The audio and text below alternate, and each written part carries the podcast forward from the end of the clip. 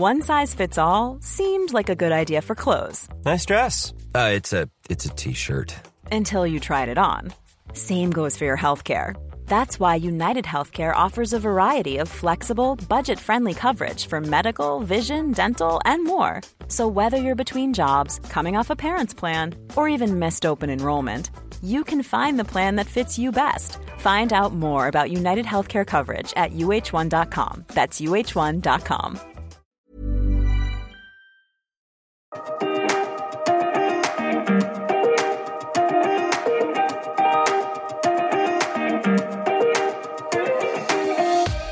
och välkomna till Succé dig själv. Podden där vi träffar människor som är precis som du och jag, men som har drömt, vågat och vunnit. Varje historia är unik och inspirerar dig till att våga succé dig själv. Så häng med på vårt möte. Vad säger du Fille? Pia, nu kör vi!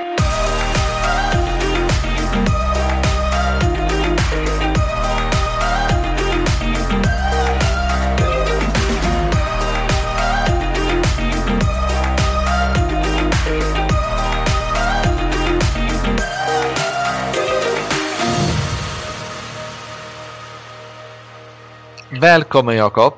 Tack så jätte- jättemycket. Spännande att vara här. Så kul Alltså- att eh, vi kan träffas på detta sättet. Vi har sett fram emot detta så himla mycket ska du veta.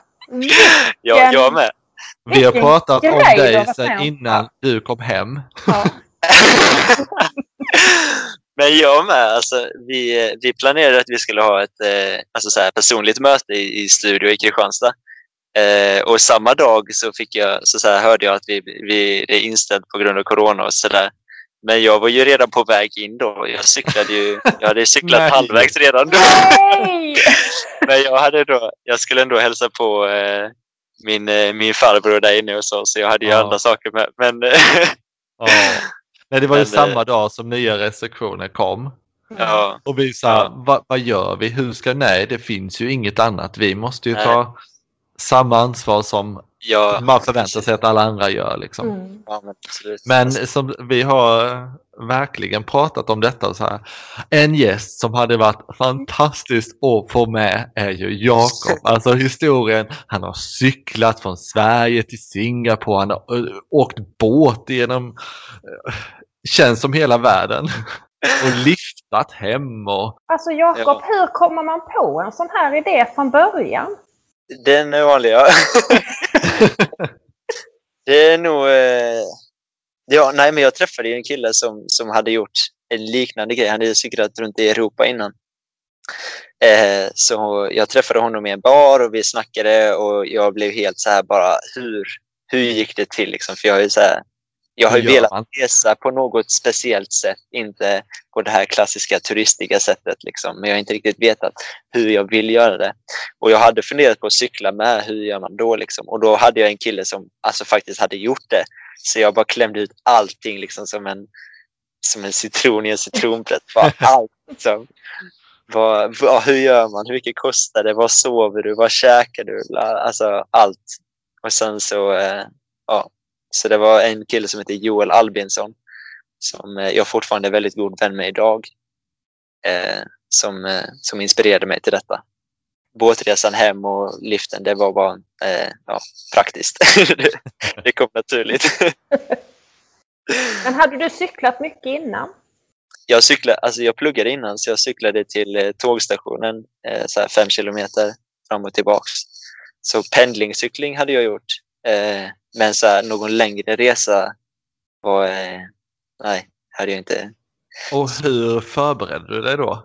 Hade du Ja. samma cykel som du hade innan eller köpte du en cykel? eller hur, hur gör man? Nej, det var ju sjukt många som bara, alltså, har du verkligen förberett dig så här? Och varje gång jag fick frågan blev jag så här, bara, men vad, vad, vad, vad, hur mycket behöver man förbereda sig? Jag, Jag ska ju cykla.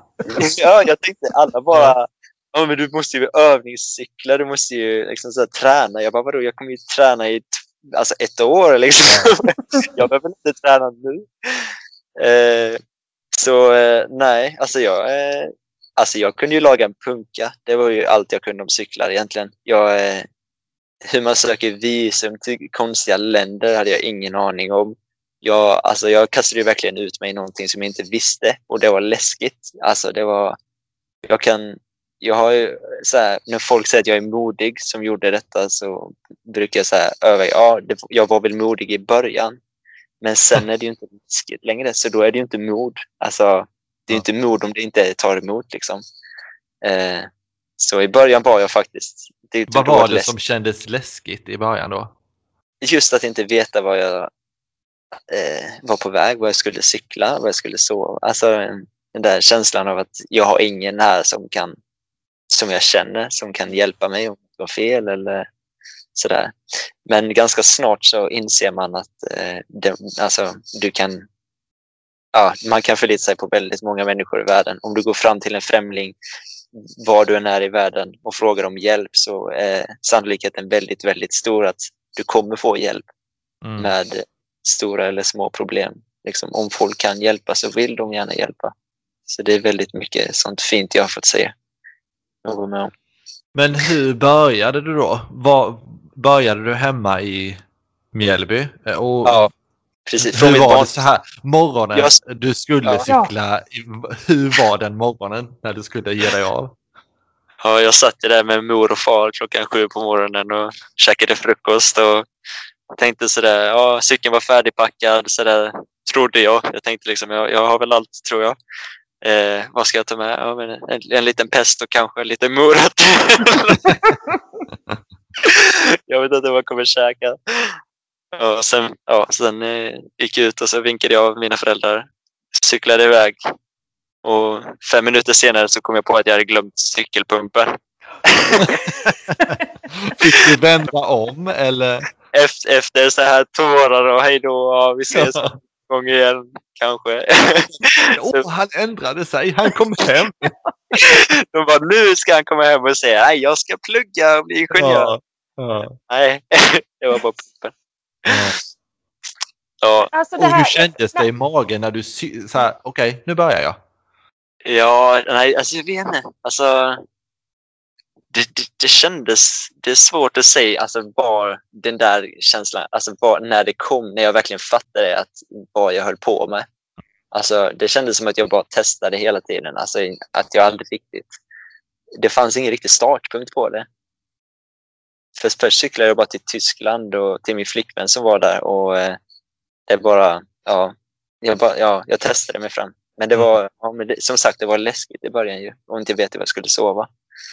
Men, eh... Jag måste, så, som förälder själv så måste jag liksom bara... Om, hur reagerar din mamma och pappa när du kommer hem och säger Jag tror jag ska cykla till Singapore? Alltså jag menar, försökte de prata dig ur det eller var de, eh, tyckte de det var en bra idé? Ja, det är klart du Sen, ja. ja, ja, det är klart. Nej, nej, nej, nej det var inget, eh, inte så mycket sådär uppmuntrande i början var det inte. Men eh, alltså, ja, ja, alltså jag brukar spotta ut sådana här galna idéer ibland så de tänkte väl att det bara, ja men det här kommer sen sticker. Alltså han kommer inte att göra det liksom. Nej. Så de var inte så oroliga först. Men sen när, de, när jag köpte min cykel då, en, mm. alltså en ordentlig eh, begagnad men väldigt robust cykel som ska tåla många kilometer. När jag hade köpt den, då fattade de att alltså, det här, nu händer något. Ja. Så, eh, då, då blev min mamma reagerade mest. Liksom. Hon bara, men varför? Hon var mest bara så här. Och vad svarade du då? Varför? Ja, jag minns faktiskt inte, men jag tror väl att eh, jag tänkte väl att det var att det kommer bli ett, ett livs, en livserfarenhet. Det kommer bli livets skola mer än en pluggskola i, på universitet. Liksom. Mm. Men de, var inte, de fattade inte meningen. Alltså, så de, men, eh, men de gjorde inget motstånd, men de gjorde ingen... Så här, de hejade inte på? Nej. nej, nej. Okej, ja men åk då. Ja. Och sen yes, han kom tillbaks. Ja. Jag skulle bara ha pumpen. ja. Men först, för första etappen ner till flickvännen i Tyskland då? Ja, just det. Tog tio dagar. Tio Och var stannade du? Hade du planerat så här, men då stannar jag där, jag stannar ungefär där och jag tar in på det stället eller hur, hur, hur, hur? Nej, alltså själva rutten improviserar jag. Alltså jag fattar ju att man behöver cykla till Malmö, komma över bron, cykla ner Ja. i Danmark, ta färjan över till Tyskland. Mm. Liksom. Du har sett en karta liksom? Ja, Ja. sen Tyskland, därifrån var det bara alltså, improvisation. Jag följde min kompass ibland och ibland hittade jag kartor. Och så här. Mycket papperskartor i början. Och sen sova. I början var jag ganska så här, var jag lite feg så jag körde mycket på couchsurfing. Ja. En app där man så här, skriver till folk i städer och frågar ifall man kan sova över hos någon. Som ett, så här, ett kompisutbyte liksom. Man, Mm. eh, så jag körde med det ett, eh, hela vägen fram till min flickvän då, Siri. Men det är väl inte fegt heller? Det Det är väl jättemodigt. många som hade känt så här, "Ja, det hade jag aldrig vågat göra. Ja, nej, nej, men det var ju ett, ett första steg liksom. Ja. Eh, Och sen så bestämde jag mig för att nej, nu ska jag testa något nytt liksom. Nu ska jag testa och bara så här, se vad som händer. Mm. Och då sov du hur? Eller var eller? Då tältade jag mycket på olika platser. Eh, så här, om jag kom till ett... Alltså jag cyklade så länge jag ville cykla. Eh, och sen så när jag var trött och inte pallade cykla mer så bara frågade jag någon om de visste ett bra ställe som man skulle kunde tälta. Och ibland så visade de en, ett fint ställe vid en sjö. Ibland så får- sa de att du får komma här och sova på vår trädgård. Eller ibland så bjöd de hem en och lät en sova i en säng och bjöd på frukost dagen efter. Och det var väldigt, eh, Ja. allt möjligt. Är det lika lätt att tälta i, i, i Europa som det är här i Sverige? Alltså man får tälta överallt eller det är lite mer så när man får tänka på att här får man inte bara slänga upp ett tält. Ja, nej, nej, Sverige är nog väldigt lyxigt. Alltså, just mer på grund av att det är så mycket tom mark. Alltså det finns mycket Mm. vildmark i Mm. Sverige. Eller vild och vild, men det är ju inte mycket. Shoutout till allemansrätten. Ja, Precis. tack Sverige för det. Ja. Men, Men, eh, men är det viktigt att man liksom kollar av var man, var man sätter upp sitt tält? Absolut, absolut. Alltså många ställen är det så här, folk, folk sa ja, du hade gärna fått sova här på vår trädgård, men eh, vi vill inte få problem med polisen i Kroatien till exempel. Mm. Så var folk sådana, då är det liksom, ja, det, ja det är klart, liksom, då hittar man ett annat ställe och så kanske man gömmer sig lite. Så man är inte sådär och skyltar med att man är ute och tältar. Liksom. Mm. Så det är lättare i Sverige. Men, det, men det funkar, alltså det är inget, inget stort problem. Alltså jag är supernyfiken när du då kommer ner till din flickvän Siri. Ja, Och jag förstår, då har ni kanske varit ifrån varandra ett litet tag va? Eh, eftersom att hon då är i Tyskland. Eller? Ja. ja. ja, ja, det var nog en månad eller en och en halv. Hur, hur, var finner man då motivationen att säga hej då en gång till till någon då som man tycker om? Det måste vara jättejobbigt. Alltså jag stannade där i tre veckor. Ja. Eh, så vi, så här, vi fick ändå alltså, en tid tillsammans igen. Det var inte så att Mm. vi bara stack. Ja. Men Hej eh, hej då! jag, jag erkänner faktiskt att det var verkligen så här, alltså vi, vi båda blundade för vad det var som höll på att hända. Alltså, vi båda fattade väl innerst inne att vi kommer inte ses på sjukt länge nu. Men vi båda låtsades inte om det. Vi var så här, ja, nej men, eh, vi, ja, men stick nu då. Liksom. Ja. så, det, ja, så vi körde mest på det, liksom, bara låtsas som att ingenting, det inte är något konstigt. Liksom. Sen rätt vad det var så hade du cyklat iväg. ja, ja, ja, men det var lite så. Ja. Siri bara väntade och hoppades att du hade glömt cykelpumpen. Så komma tillbaka. Ja. Och hur tänkte du då liksom när du, så här, okej, första stoppet där jag cyklar dit, se hur det känns. Och sen, när du ska ge dig av, vad, vad hade ändrats i planen? Hur såg den ut då? Ja, alltså då var väl planen att jag skulle cykla. Ja, alltså jag hade, jag hade ju ett sånt här lå- låtsasmål att jag skulle till Australien. Men jag var, jag var alltid så här, ja men jag kanske sticker hem någon gång. Alltså jag var aldrig så här, jag måste dit liksom. Det var Nej. alltid, jag, jag var alltid flexibel med hur jag, så här, att anpassa efter hur jag känner. Och, så jag, jag var redo att åka hem några gånger på vägen. Men eh, jag fortsatte ändå. kommer du ihåg var, det, var- du var någonstans första gången du tänkte så här, nej, nu skiter jag i det här och åker hem? Jag kommer ihåg precis, och det var i, i Kasvin, en stad i norra Iran, där vi firade jul. Jag och, och några andra resande som också reste med cykel som jag hade träffat på vägen då. Så vi hade alla åkt in på ett hostell och jag, gjorde, jag och min svenska kompis gjorde en stor risgrynsgröt. Eh, och de tog med sina traditioner från deras länder. Och då kände jag så här typ att jag saknade, ja, jag saknade hem, jag pallar inte med distansen längre och så. Sen, Fick du då stöd av dem hemma? ja, alltså jag pratade mest med Siri om det. Mm. Och, och hon var typ så här, hon tyckte också det var jobbigt, men hon var väldigt eh, mycket så här att, att det här är din dröm. Om du åker hem nu så kommer du ångra det och du kommer komma hem till vadå? Liksom ett kallt Sverige som är svart och mörkt liksom. Eh, och inte ha något jobb. liksom. alltså, nej, det var alltså, så här, hon tänkte, hon var väldigt så här, supportive till, att- till att jag skulle göra det som hon, alltså hon visste ju att jag verkligen ville detta liksom. Eh, Vilken tjej. så jag är ja, verkligen en sjuk, eh, sjukt fantastisk flickvän. Så eh, henne lämnar jag inte i första taget. Men det, när du satt där då och, och, och någonstans så bestämmer du dig för att fortsätta. Kom de här gångerna tätt när du längtade hem eller det var kanske bara en viss period och sen så liksom bara rullade Ja. på? Haha, Ja, så men- rullade det på. Ja, men det var, det var det var en period när det kom lite så här, alltså ganska mycket. Det var ju där omkring Iran och de... Eh, nej, men, men det, var, det var inte jättemycket sånt. Alltså, sen kom jag till Kina och då, då fanns det ingen tid för att tänka. Då var det bara cykla så snabbt du kan liksom. Varför måste man det? för att det är så stort. Ja. och Ja. eh, och eh, ja, nej men för att det är så himla stort. Alltså, vi, vi hade bara tre månaders visum och det många kilometer att beta av. Ja. Hur är det att korsa gränserna och från ett land till ett annat på cykel? Det är en fantastisk känsla kan jag säga. Alltså, få gånger under resan som jag njöt så mycket som då. När jag åkte in i Turkiet så kommer jag ihåg så här, jag hade plockat på mig lite persikor från ett träd på vägen. Eh, och jag kom in där och det är hur lång kö som helst. Alltså riktigt lång kö. Och man bara cyklar förbi det med en hand för styret och en annan hand sitter och äter persika så här.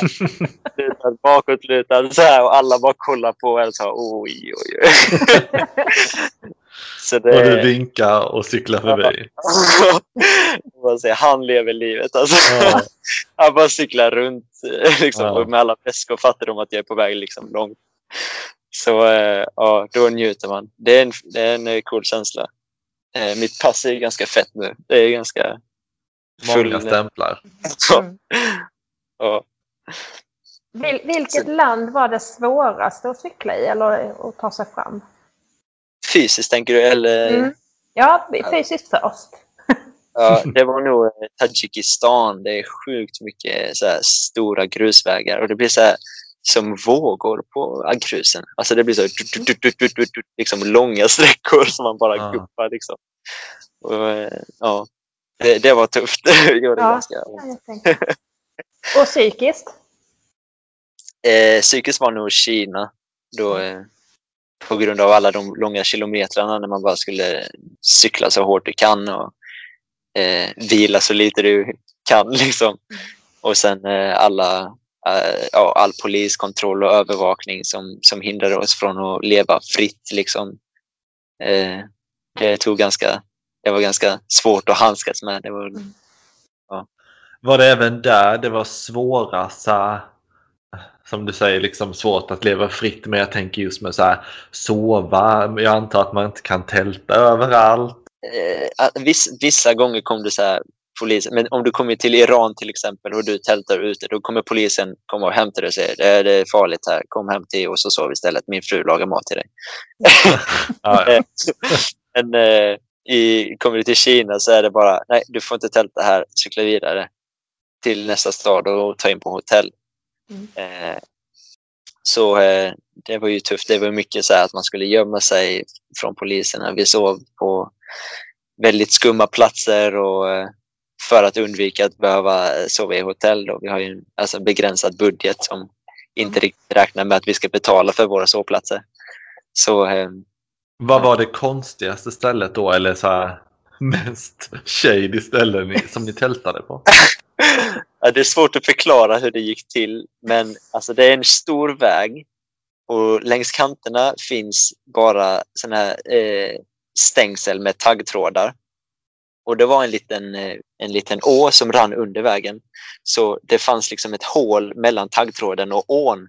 Så vi så här, med cyklar, tunga cyklar med väst lyfte vi där under taggtråden, över ån, så här slafsade genom ån, ut på en äng eh, och så här mellan åkrar lyckades vi hitta en buske som vi så här gömde oss lite bakom. Ja. Eh, och eh, blev skiträdda sen när vi hörde. De har såna här högtalare mitt ute i bland åkerfälten som spelar så här kommunistmusik medan de jobbar. Och så här, typ pratar ut propagandameddelanden och sånt. Och vi trodde ju att det var någon som kom när de började prata där och bara Ah. Åh gud det ja. var... Så vi Ja. satt där. Det, man sov inte jättemycket men... Nu, måste jag bara fråga. Vilda djur? Jag Ja. menar, det, det måste ju... Såg ni något? Eller ormar? Ja, du vet. Nu bygger jag upp världen så här med, med- giftormar och, och allt Ja. möjligt som finns. Spindlar och grejer. Eh, Just Kina var väldigt fantastiskt när det kom till vilda djur. Vissa gånger var det som att cykla runt i en eh, Animal Planet-värld. Så här stora, stora fåglar och, och ja, så djur jag inte ens kan namnet på med stora horn och, och eh, grejer. Ormar var mycket i eh, Thailand. Mm. Den största jag såg hade väl en, eh, en tjock, tjocklek på så här, en decimeter i diameter kanske. Oh my god. som slår mitt på vägen framför mig. Så då, men den såg jag så här 200 meter innan så jag bara stannade jag upp och stod där i kanske en minut och observerade. ja. Såg att den inte rörde på sig, att den hade blivit påkörd. Ja. Så Ja. cyklade jag fram och, och kollade på den. Och, men jag vågade inte röra den. Nej. Nej. Lika bra. Ja. Jag tänker just det där när man tältar och sådär liksom. Det hade väl jag tänkt. Åh, nu var det en orm. Eller åh. Ja, att man hörde det prasslade Ja. i buskarna Ja, utanför. precis. Ja. Mm. Min flickvän var ju mycket mer nojig med det. Alltså så här, malaria och denguefeber och all... Ja, hon mötte upp dig eller er. Ja, Eller? Ja, hon kom ju i Laos där. Eh, ja okej, lite senare. Ja, så vi cyklade tillsammans genom en bit av Thailand och Kambodja till Bangkok och sen kom hennes, eh, hennes kusin Anna, en fantastisk tjej. Som, eh, så vi cyklade alla tre tillsammans eh, hela vägen ner eh, till Malaysia. Då. Så de var med, alltså vi cyklade alla tre tillsammans väldigt länge och det var en sjukt rolig del av resan faktiskt. Och så här, få in såna, alltså ja, de är inga cykelmänniskor alls. De är ju alltså så här, väldigt mycket Ja, Alltså jag är ändå lite äventyrlig. Hon hade hellre couchsurfat så att säga. Ja, ja eller helst kanske hotell. Ja, ja. Ja. Nej, så att de hängde med hela den vägen är mer imponerande tycker jag än att jag har cyklat hela vägen. Ja.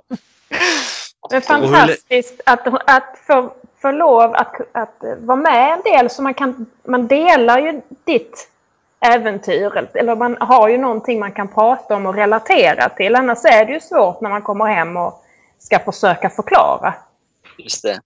För fick en en liten... annan förståelse Ja. liksom. Ja. Vad det är jag har gjort i... Men hon blev lite så här, är det det här du har lämnat mig för? Ligga på stranden och käka kokosnötter. Och... jag bara, det har inte varit så här hela tiden. Jag lovar. Ja. Men Nej, Joel som du cyklade med, hur länge cyklade ni? Så jag cyklade själv hela vägen hemifrån till eh, mitten av eh, Turkiet. Mm. Eh, och där var, då var han också där. Och vi var ju på väg åt samma håll då. Så vi sa, ja men vi, eh, vi testar cykla tillsammans och se om vi tycker det funkar bra. Liksom. Eh, sen höll vi ihop eh, hela vägen till Kina. Där han tyvärr hade en olycka som gjorde att han inte kunde cykla vidare. Ja. Eh, inte för att han skadade sig allvarligt utan för att cykeln pajade. Liksom. Ja, så okej. jag cyklade vidare själv därifrån en månad innan eh, Siri kom. Ja, totalt blev det fyra månader för mig som jag cyklade själv. Och sen ja, tio månader med Joel. Ja, honom har jag levt ihop mycket med. Det är som min, min andra partner nästan. ja. När man spenderar så mycket tid med sig själv, som du då fyra månader när du cyklar själv. Alla tankar som måste snurra i huvudet och man måste ju verkligen lära känna sig själv.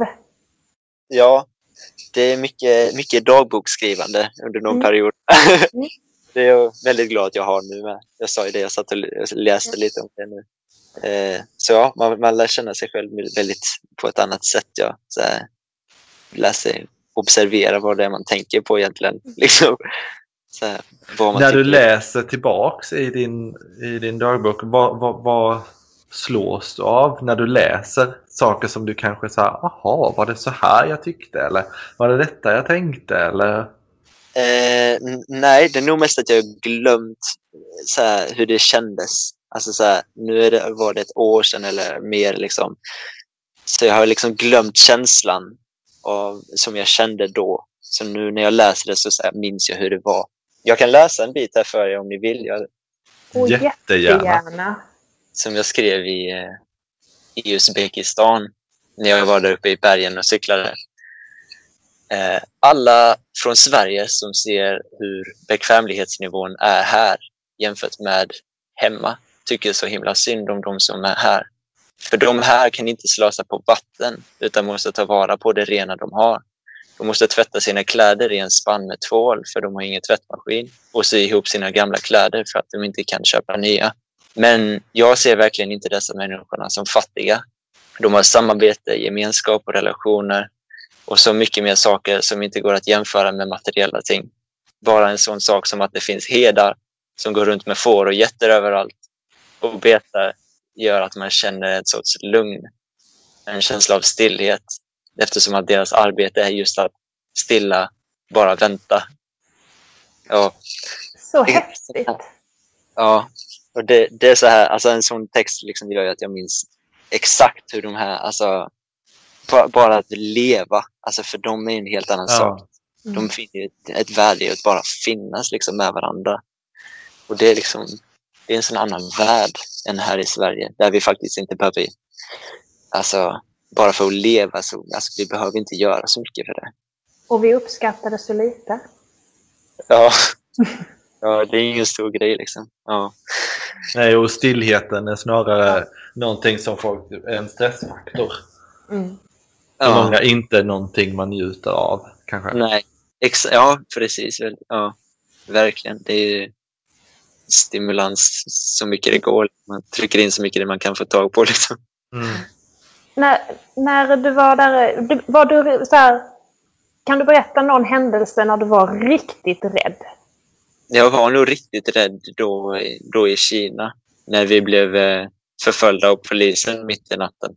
Alltså, vi, alltså det var första, vi hade jobbat, he, hela dagen hade vi hållit på att försöka komma in i Kina. Alltså det är hur mycket kontroller som helst. De kollade vårt pass. Jag har skrivit ner i mitt anteckningsblock hur många gånger de checkade våra väskor och våra Mm. pass och våra mobiler och allting skannades liksom riktigt noga. Eh, så det tog ju hela dagen att komma in i landet. Och Mm. sen var vi ute och när det är mörkt på natten, eller ja, klockan är typ 11 kanske, och vi börjar cykla och tänker att vi ska hitta ett ställe så snabbt vi kan och bara sova liksom. Och så kommer polisen och säger att vi måste fortsätta cykla till nästa stad för det finns inga hotell här. Så vi börjar cykla och tänker vi ställa någonstans på vägen. Men sen så kommer en bil och, och kör bakom oss då med lamporna så här lyser på oss mitt Mm. ute på stor väg. Liksom. Så kör de i så här 30, eller ja, 20 kilometer i timmen bara ligger bakom och väntar. Mm. Eh, eh, så vi stannar för att vänta in dem att de ska komma men de, de vill inte prata med oss. De bara så här spionerar på oss liksom, fast utan att gömma sig. Mm. Ja, sen till slut så, kom, så, så här, cyklar vi till dem och säger vad håller ni på med? Alltså, vi vill bara sova. Och de säger nej, ni måste fortsätta 30 kilometer. Det finns en stad där ni kan sova. Så vi cyklar och då är det så här, ja, så cyklar vi dit och sen så finns det ingenting där. De, jag vet inte vad de höll på med, men vi så här, ja, och då så, ja, så höll de på med att vi, eh, att vi, ja, vi måste cykla vidare och vi, alltså vi bara, klockan är tre på natten, alltså vi har cyklat hela, eller hela natten och liksom varit igång hela dagen. Och så här, de var ganska ja, läskiga. Men till slut, min, min kompis Joel som jag cyklade med då, tack och lov, han eh, stod på sig och sa åt dem på skarpen att eh, nu har vi cyklat här, nu får ni fixa ett ställe för oss att sova. Liksom. Vi har, eh, nu har vi gjort som ni har sagt, nu får ni hålla ert löfte. Liksom. Så de tog med oss till polisstationen. vi fick sova på Ja. bokstavligen plankor liksom, inne på polisstationen. Och sen dagen efter fick vi cykla vidare och blev, fortsatte att förföljas av dem. Alltså de Men fortsatte då, alltså- sen dagen efter liksom och kolla att ni verkligen liksom... Alltså, de fortsatte en hel månad därefter och förfölja oss. Så just den där känslan av att aldrig ha, alltså du kan inte pissa utan de, att de kollar på dig. Att alltid ha ögon på sig, det, det tyckte jag var läskigt. Alltså, Mm. ja.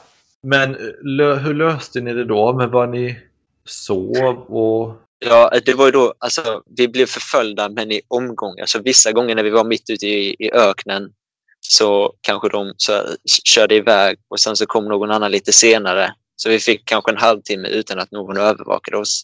När vi Ah, cyklade okej. på tom mark. Liksom. Ja. Och det var då, då stannade vi. Då tog vi liksom det tillfället och så här, gömde oss i viadukten. Det finns ju ingenstans du kan gömma dig. Det är liksom bara under vägen. Ja. ja. Så vi, vi tältade under viadukten. Liksom. Under vägen. Ja, precis. Under Ja. motorvägen. Och slutade de då när ni kom till nästa provins? Var det de liksom, då var de nöjda och sådär, okej, tack, hej. Eller hur? Ja, men i princip. Alltså, sen, eh, sen, sen fanns det inga poliser längre helt plötsligt. Alltså från att finna, alltså det finns typ mer poliser än vanliga människor. Ja. så helt plötsligt fanns det typ inga någonstans. Så det var, ja, det var verkligen som att då uppskattade man friheten Mm. på ett helt annat sätt. Och vad, vad var ditt slutstopp? Det var ju den, sydligaste punkten i Singapore. Eh, som, vi, alltså som jag kallar mitt slutmål. Och det var ex, nästan exakt 20 månader efter att jag lämnade hemma. Ja. Så det var 20 månaders cykling. Imponerande. Hur kände du då när du kom fram? När du var så här, okej nu har jag kommit så långt jag så långt söderut jag kan komma med cykel. Kände du dig att nej men nu är jag nöjd med detta, nu vill jag hem eller ville du, få, vill du ha mer? Nej, jag var, jag var faktiskt mätt på det. Redan innan jag kom dit faktiskt kände jag att liksom, det här är tillräckligt med intryck. Jag, jag cyklade ner dit för att jag skulle så här, alltså, ha alltså, gjort det hela vägen och sen eh, så här, kunna så här, stänga igen kapitlet. Mm. Så jag var, jag var liksom, jag kände mig redo redan innan det. Men, eh, men det var, trots det var ju en fantastisk känsla. Alltså komma dit och bara slänga av sig kläderna och hoppa i havet och, och så simma liksom och, och så flashbacka till alla minnen och tänka tillbaka till alla grejer jag var med om och alla människor jag träffade. Liksom allt kom som en, som en snabbspolad film. Liksom. Så det var ju en fantastisk, fantastisk känsla ändå. Även om jag, men jag var väldigt redo på att åka hem. Ja. Jag var inte Mm. hungrig efter mer. Nej. Och hur tänkte du då på hemresan? Hade du bestämt innan att du skulle ta dig hem via båt? Ja, jag hade börjat jobba på det. Så här, skrivit till folk och så här, Mm. letat efter någon som kunde ta med mig. Så eh, det, var, ja, men det var typ fixat. Tan- tanken var att jag skulle åka upp igen med tåg i Thailand och hoppa på i Thailand och, och segla därifrån. Ah, okej. Men, eh, men jag hann inte dit i tid. Så jag skickade iväg cykeln och sen så var jag tvungen till att flyga till Sri Lanka och hoppa på där istället. Ah, okej. Jag var tvungen till att eh, strida mot mina principer och flyga. För det var en del i att det var just cykel. Absolut. ja. Klimatpåverkan när du reser. Absolut. Alltså, Ja. ja. verkligen. Det var ju självklart allt annat också. Men just att, att, att flyga var liksom, alltså det finns inte på kartan. Jag vill verkligen inte det. Speciellt inte alltså för nöjes skull. Liksom. Det vill jag aldrig göra. Liksom. Nej, nej, för jag vet, jag har hört dig säga tidigare att eh, så mycket som man ser när man cyklar har du ingen möjlighet att se Om du ens åker bil. Nej, nej precis. Det är, ju saktare du reser desto mer intensivt blir det. Mer detaljer hinner du märka och ju mer människor träffar du. Mm. Bara om du åker, en moppe så du kan inte riktigt så här, skrika till folk och eller så här, kommunicera med folk mer än vinkningar. När du cyklar kan du faktiskt så här, ropa eller sjunga eller alltså du kan connecta. Mm. Life is full of what ifs. Some awesome, like what if AI could fold your laundry? And some, well, less awesome, like what if you have unexpected medical costs? United Healthcare can help get you covered with Health Protector Guard fixed indemnity insurance plans. They supplement your primary plan to help you manage out of pocket costs. No deductibles, no enrollment periods, and especially no more what ifs. Visit uh1.com to find the Health Protector Guard plan for you. Hiring for your small business? If you're not looking for professionals on LinkedIn, you're looking in the wrong place. That's like looking for your car keys in a fish tank. LinkedIn helps you hire professionals you can't find anywhere else, even those who aren't actively searching for a new job but might be open to the perfect role. In a given month, over 70% of LinkedIn users don't even visit other leading job sites. So start looking in the right place. With LinkedIn, you can hire professionals like a professional. Post your free job on linkedin.com slash people today. När du då går från cykel till båt, hur mycket förbereder du dig på att segla hem? Jag förbereder mig inte eh, riktigt. Alltså, jag tänker bara ta med lite saker Mm. eh, så att det inte tar så mycket plats. Eh, sen tänker jag, ja, men de har väl koll. Måste jag bara fråga, var det, vad var det för båt? Var det lastfartyg eller var det en segelbåt? Eller vad, vad var det för båt? Nej, det var en liten båt, en 10 meter lång båt från en svensk kapten som hade seglat nästan jorden runt då, halva jorden runt. Mm. Så han var på väg hem igen. Eh, och han, eh, ja, så han eh, gick med på att ha med mig på båten fast jag inte kunde ett skit. Jag hade aldrig seglat i hela mitt liv. Så eh, jag fick komma dit och så här, ja, vara med i hela processen från att förbereda skeppet och han så här, berättade om hur det går till och så här, och fyllde på med mat för vi var redo på att vara ute en månad. Så eh, ja, så jag blev introducerad till det livet och, och sen bara några dagar efter att ja, vi träffades så stack vi då. Det var bara han och du? Han och jag och sen var det två till crew. En från Ukraina och en från Portugal. Som, som kom Från precis hans in. besättning liksom. Ja, de hade varit med från Thailand. Så de hade Ja, inte heller seglat mycket. Så det var tre totala färskingar och en nästan färsking. För han, han började ju segla från Sverige. Hur lång tid hade ni planerat att det skulle ta? Ja, jag tror... Eller ja, det fanns jag, liksom ingen tidsplanering utan vi seglar och sen så kom vi hem när vi kommer hem. det fanns ju en idé om att vi skulle vara hemma inom... Eh, vad var det? Två, tre månader. Mm. Ja, nej, jag vet, men det fanns väl en un, ungefärlig plan. Men den gick ju helt åt skogen. Varför det? Eh, därför att vi fick ingen vind och eh, vi, eh, vi kom ingenstans. Och vår båt, alltså, ja, det var en riktigt slö båt av betong som, alltså, vi var glada om vi gjorde tre knop. Det är liksom, alltså, det är Ah. inte mycket. Nej. Eh, så eh, vi hade lite svårt där. Och sen så på det så kom ju coronapandemin Ja. som vi inte visste om gav oss av. Alltså, vi visste att det var en grej i Kina. Men eh, när vi var mitt ute på havet då så hade det väl blomstrat ut över hela världen. Och eh, vi, var, vi hade ju ingen kontakt med någon under hela den månaden. Så vi visste ju absolut ingenting. Och så kom vi till Jemen då spontant till en, till en eh, hamn som vi inte hade en aning om vad det var för något. Så vi, ja, det var inte mycket planerat där. Liksom. Eh, Och då så, så förklarade de för oss att det var ett virus som gjorde att vi inte kunde komma in på land. Men, men om, om ni inte ni kunde inte gå av båten ingenting, så ni kunde inte köpa mat eller...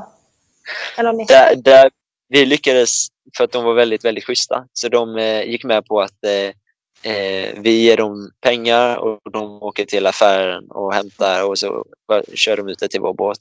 Mm. Eh, utan betalning, alltså för transporten av det. Liksom. Ja. Så de var bara väldigt, väldigt generösa. Fyllde på vatten och diesel och allting. Så vi hade väldigt tur att, vi, att de hjälpte oss där. Och sen körde vi vidare och efter det hade vi ganska svårt att få mat igen. Alltså var det en längre period när ni inte lyckades komma i hamn eller få tag på någonting att äta?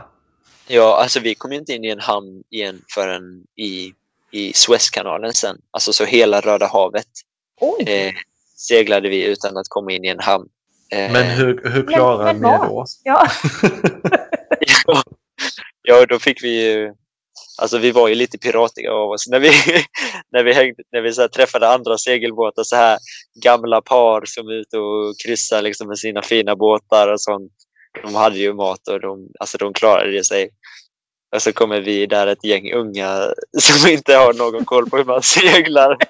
En tung båt som gör tre knop. Liksom. Vi, vi var ju piraterna i gänget. Liksom. Så vi, eh, vi hoppade i med vår lilla gummibåt och trasiga paddlar och paddlade in till stränderna på natten. När ingen såg och sen så letade vi upp några, några locals som kunde, kunde hjälpa oss. Så de skjutsade oss till affärerna och så köpte vi mat där och fyllde upp dieseltankar. Och de två andra crewna, som, eller de, han från Ukraina och hon från Portugal, de blev ju tagna av polisen där i Egypten. Hoppla! För att vi har alltså inga visum och ingenting. Och militärerna hotade med att de skulle komma och ta oss. Det var hur mycket som, som helst.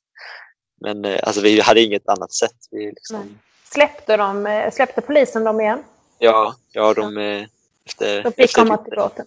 ja, efter lite gnäll om att vi, vi har inget annat val lyckades de komma ifrån situationen. Men det var lite läskigt. Eh, eller ja, det var väldigt läskigt faktiskt. Just för att eftersom att vi inte visste någonting alls så jag, alltså jag trodde det var värre än det var tror jag. Jag tänkte liksom nu stänger allt ner och nu kommer typ människor börja svälta. Ja. Liksom.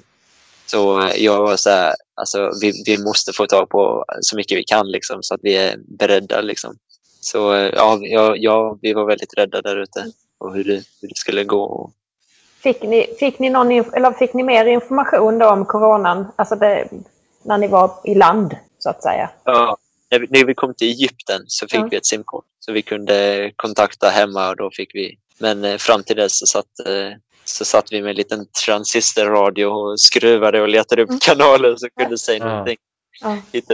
Men vad sa de där hemma då? När du var på båt i månader och inte, och de inte hörde någonting av dig? När du, när du till slut pratade med dem?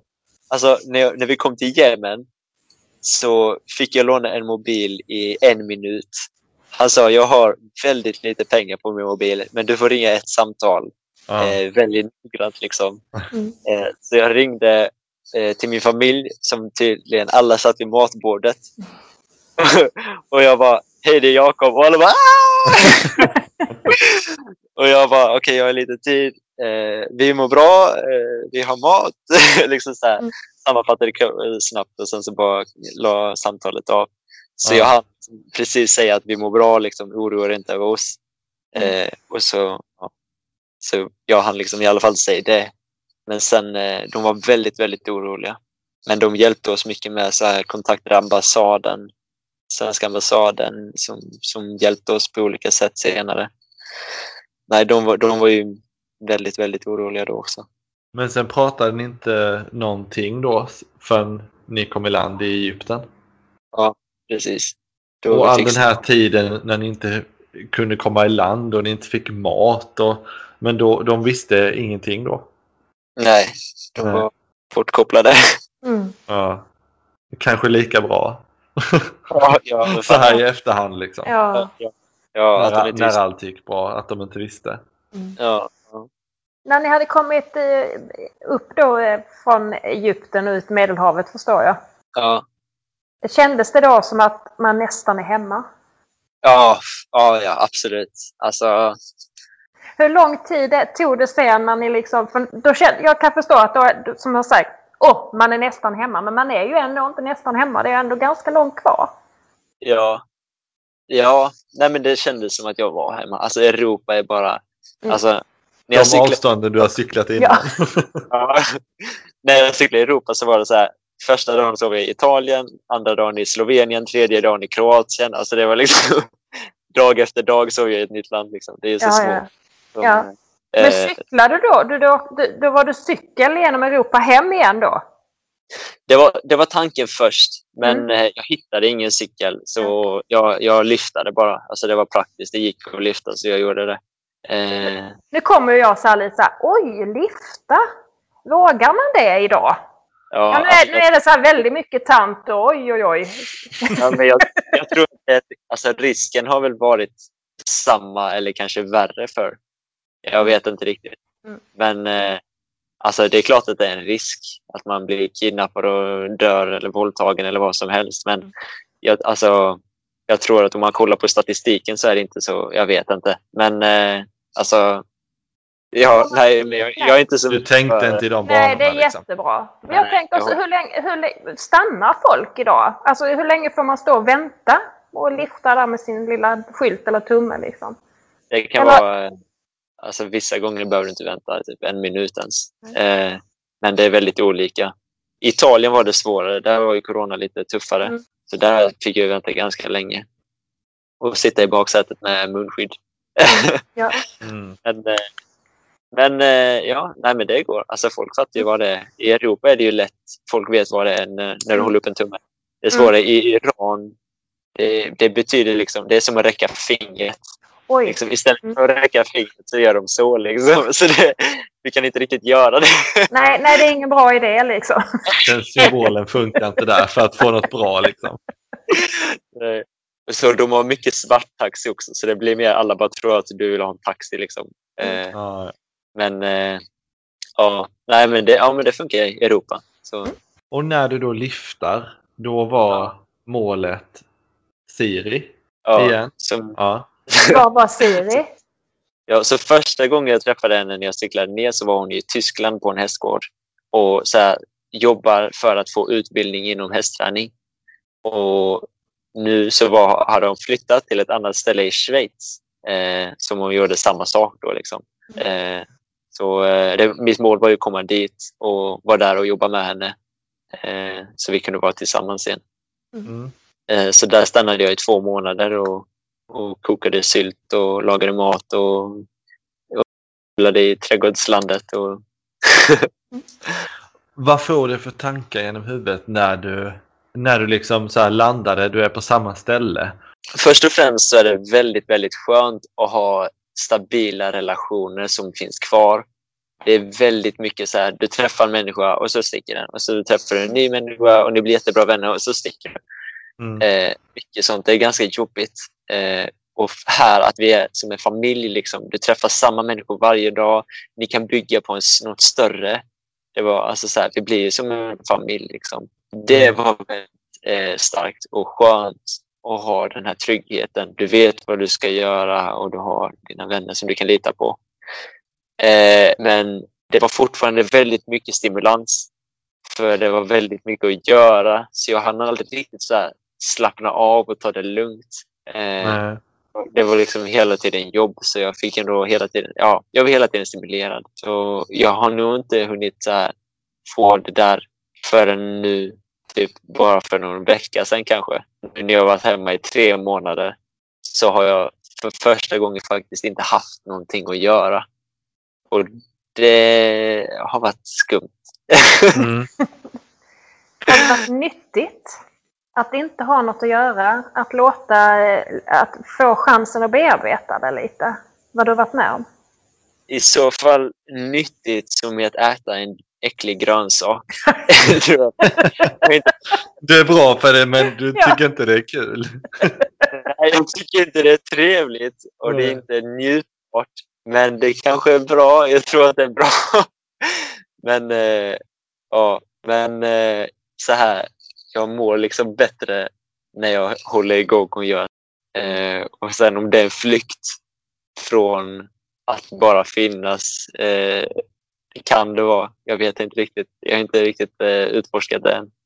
Så, för nu när jag även kom hem så har jag haft mycket att göra. Så här, alltid hittat grejer och cyklat runt och hälsat på folk som jag velat träffa och, Och så, här. Eh, så det är först nu som jag faktiskt här, känner att jag har gjort allt jag ville göra och nu vet jag inte vad jag ska göra.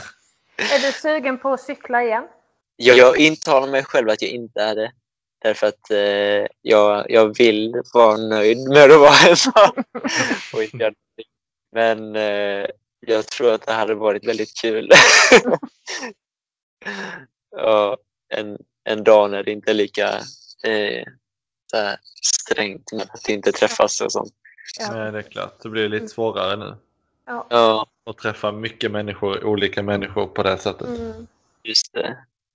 Men Jakob, hur slutade du din resa? Hur liksom slutförde du? Okej, du var hos Siri, men hem, sista biten. Hur klockrent hade det inte varit om jag bara fick säga att vi red hem därifrån sen. In i solnedgången och, och lyste. Nu tog han sin häst från gården och galopperade hem.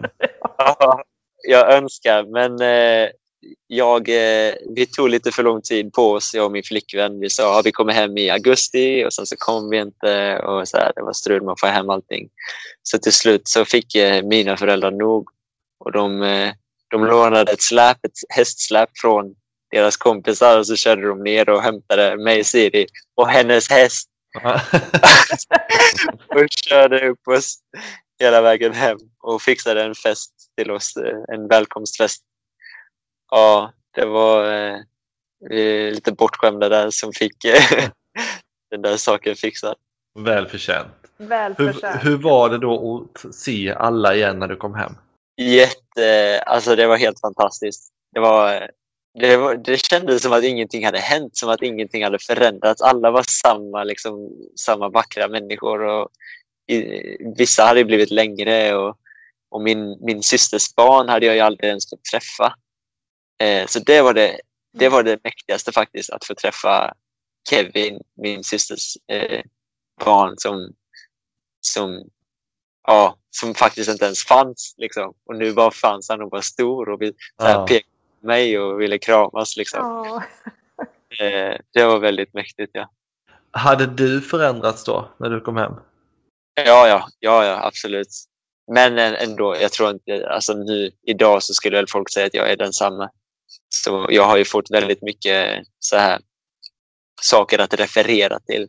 Men eh, jag tror att jag är, min personlighet är kanske inte så, så jätteannorlunda. Kärnan är kvar liksom. Ja, ja. Mm. Hur, vad, vad gör du en vanlig dag nu? För nu, nu, går, nu går det ju liksom inte att, att cykla och stanna, prata med någon, följa med in. Alltså just, just idag så, eh, så vaknade jag och så gick jag iväg och så målade jag ett hus. Min mor har väldigt mycket projekt på gång överallt så, det, hon, så här, hon behövde hjälp med det så jag stack iväg där. Så jag är väldigt mycket så här, alltså hjälper till där det behövs hjälp, typ. Mm. Bara för att här, göra någonting. Så jag är lite här hemma hos mina föräldrar och sen så i övermorgon så åker jag upp till min flickvän och hennes familj där uppe och hjälper till med saker de behöver hjälp med. Och vi, eh, ja, vad, som helst. Alltså, jag, jag gör bara hjälper till. Jag är typ en hjälpande hand bara. Mm. Jag, jag, är här, det är lite, jag har inte fått något eget liv ännu. Alltså, i hela, när jag har cyklat så har jag så här, hoppat in i folks liv och levt deras liv lite grann. Och jag är fortfarande lite så. Alltså, jag har inte skaffat ett eget liv än. Så här, så här, hoppa hem, från hem till hem och, och lever andras liv. så, eh, Vad vill du leva för liv? ja, det, det, Utan inte- att tänka bara så här, vad, vad vill jag? jag skulle nog i så fall vilja bo i ett sånt där litet mobilt hem. Ett litet tiny house med hjul och eh, så här, kunna flytta runt och byta projekt lite då och då.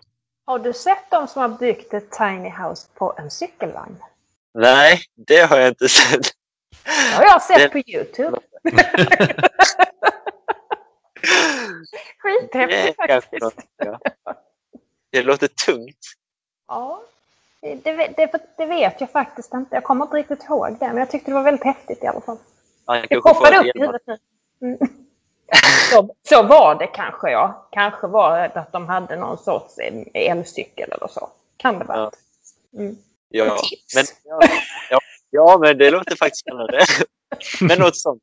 Och så hade jag kanske cyklat och eh, skaffat någon trädgård någonstans och, och odlat eh, käk eh, eller något sånt. Det, det, det är väl det som ploppar upp. Något som jag skulle känna var ett bra meningsfullt liv. Du har ju gjort saker som tar många en hel livstid att se eller vara med om och erfarenheter. Ja. Vad tänker du att du ska göra?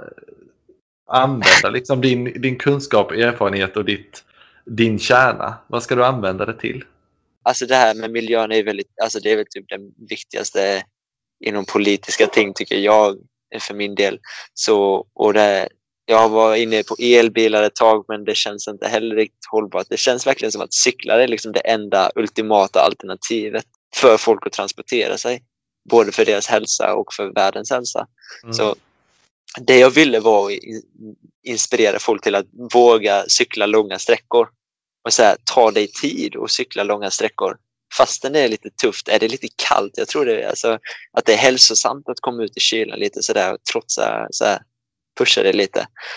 Men, eh, ja, men just med cykelresa skulle jag nog vilja använda det för den saken. Liksom. Inspirera då- folk till att cykla. Och det kan jag berätta, Jakob, jag tycker verkligen att du är så inspirerande. Alltså jag känner så här, ja, jag skulle kanske cykla på semestern Ja. istället. Men gör det snälla! Alltså, packa ett tält och, och eh, sovsäckar och dra ut och umgås. Det är skitkul. Ja, det, det, det, ska jag nog göra faktiskt. Jag, bara, du vet, man har, jag har en 13-åring och en 15-åring. De är inte alltid jättepepp på just cykla. Men Då Ska de ber lyssna du dem på lyssna på detta. Exakt, lyssna på detta avsnittet. Lyssna på vad Jakob har att säga. Alltså om, om jag hade fått se er dra iväg på en cykelsemester hade det gjort min, alltså min månad. Jag hade blivit så glad. om, om det finns ju många... Jag tror, jag tror i alla fall alla har tänkt tanken att göra någonting eh, som de inte vågar göra. Vad skulle du vilja ge dem för råd? Det rådet som, som jag fick av en annan cyklist som hade, han var svensk också, hade cyklat. Han sa, om din research hindrar dig från att faktiskt gå ut och göra det, om det tar för mycket energi, skit i att göra research. Ta vad du har, liksom, ta en billig BMX eller en mountainbike och bara stick ut och möt problemen och lös dem när du träffar dem. Du behöver inte förutspå alla risker i förväg. Du kommer inte kunna hitta alla i förväg och förbereda dig på dem i vilket fall. Du kommer bli kreativ när du möter problemet. Så bara stick ut och, och möt det. Liksom. Vad som, som vår podd heter, Succé dig själv. Vad är en succé för dig? Och den här borde jag varit beredd på. Nej, jag, vet, jag hade förberett mig på den. Vad är en succé? Det är nog bara en människa som, eh, som gör något konstigt som inte andra människor tycker är rätt. Men ändå vågar göra det. Det tycker jag är en succé. Det, det tycker jag är coolt när folk kan göra. Liksom. Och det upplever jag ger väldigt mycket, eller det ser ut att få folk att må väldigt bra när de kan göra det. Men det är ju just det som är så inspirerande med hela resan och hela liksom, sättet du pratar är att ja, men det är klart, det är klart jag ska ut och cykla, det är klart att jag ska göra detta, men det är klart det löser sig. och att man tar hjälp av människorna man möter och att man också har den tilliten både till sig själv att nu ska jag göra detta men också tilliten till alla andra och de människor man träffar. Mm.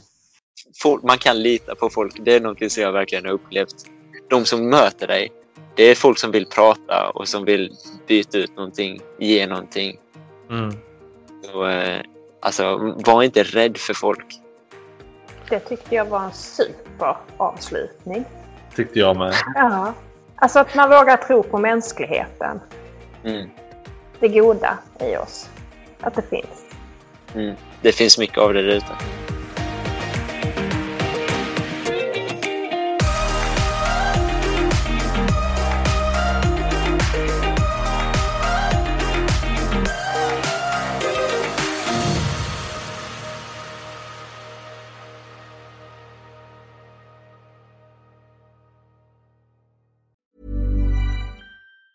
Planning for your next trip?